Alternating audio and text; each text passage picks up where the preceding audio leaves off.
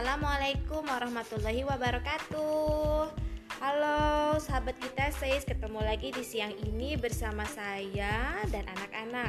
Siang ini kembali lagi saya mau membacakan kisah tentang Abu Bakar Ashidik Lanjutan dari kisah kemarin tentang Abu Bakar Ashidik di mata Rasulullah.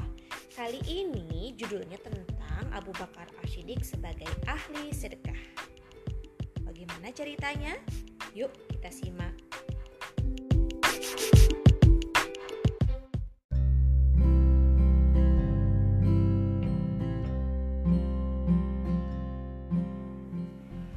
Abu Bakar Ashidik, ahli sedekah. Semua yang telah membantu telah dibalas, kecuali Abu Bakar. Ia memiliki hak atas kami nanti akan dibalas langsung oleh Allah pada hari kiamat. Tidak ada harta yang memberi manfaat kepadaku lebih besar selain yang diberikan Abu Bakar. Ucap Rasulullah Shallallahu Alaihi Wasallam bertutur sedemikian tulus.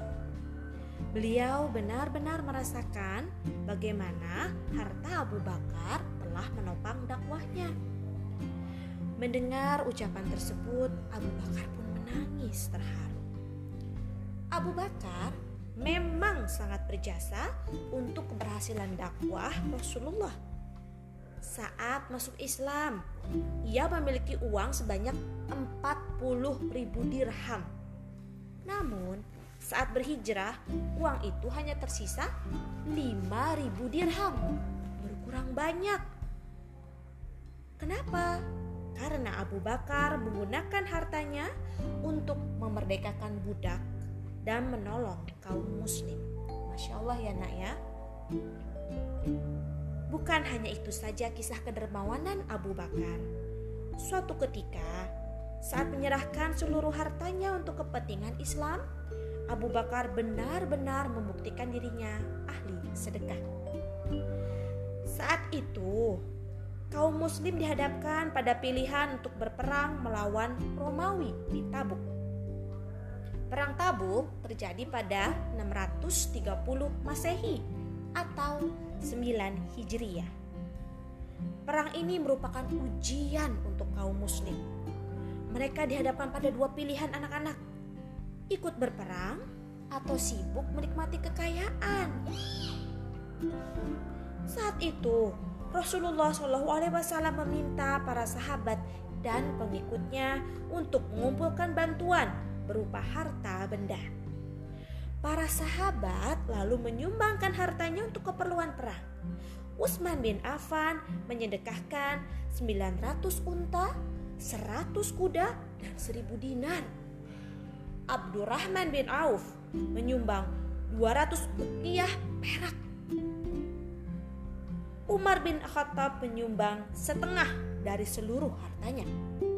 Sementara itu, Abu Bakar menyumbangkan seluruh hartanya. Ada juga kisah lain yang menunjukkan betapa dermawannya Abu Bakar. Abu Bakar hendak pergi berdagang saat itu. Padahal beliau adalah seorang khalifah Kala itu Abu Bakar sudah menjadi khalifah pengganti Rasulullah. Di tengah perjalanan ia bertemu Umar bin Khattab.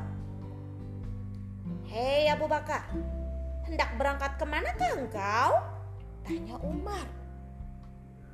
Aku hendak berdagang ke pasar wahai Umar. Jawab sang khalifah tenang. Wajah Umar terlihat kaget dan berubah ketika mendengar jawaban sang khalifah. Ia melanjutkan pertanyaannya lagi. Bukankah engkau sudah menjadi khalifah? Berhentilah berdagang. Fokuslah mengurus umat, wahai Abu Bakar. Ujar Umar mengingatkan Abu Bakar. Abu Bakar pun menjawab,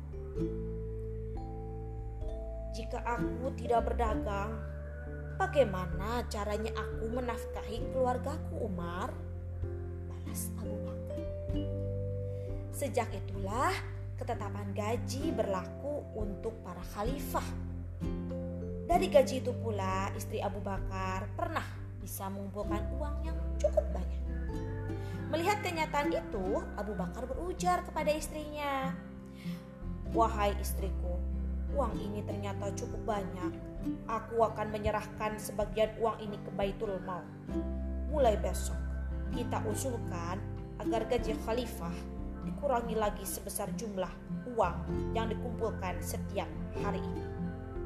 Kita telah menerima gaji melebihi kecukupan sehari-hari Bakar pada istrinya. Masya Allah, dermawan sekali ya Abu Bakar. Padahal itu adalah gaji yang merupakan haknya dia. Tapi rupanya Abu Bakar khawatir uang itu terlalu berlebihan. Demikianlah anak-anak, selain menjadi ahli sedekah, Abu Bakar adalah pemimpin yang memilih hidup sederhana Lalu bagaimana ya kisah Abu Bakar dengan Rasulullah Shallallahu Alaihi Wasallam? Kita dengarkan cerita di episode berikutnya.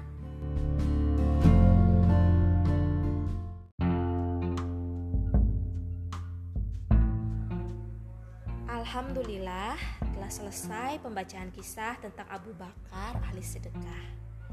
Masya Allah ternyata Abu Bakar selain berakhlak baik, beliau juga dermawan. Tak ragu dirinya mengeluarkan harta, bahkan hampir seluruh hartanya untuk Islam. Sebegitu cintanya beliau kepada Allah dan Rasulnya. Kepada Islam, dia berusaha untuk membawa Islam ke kejayaan. Menjadi seorang pemimpin yang amanah, yang tidak ingin memberatkan umatnya. Semoga kelak kalian yang mendengarkan kisah ini menjadi anak-anak dermawan, seorang pemimpin yang diayomi oleh pengikutnya, pemimpin yang sayang kepada umatnya. Assalamualaikum warahmatullahi wabarakatuh.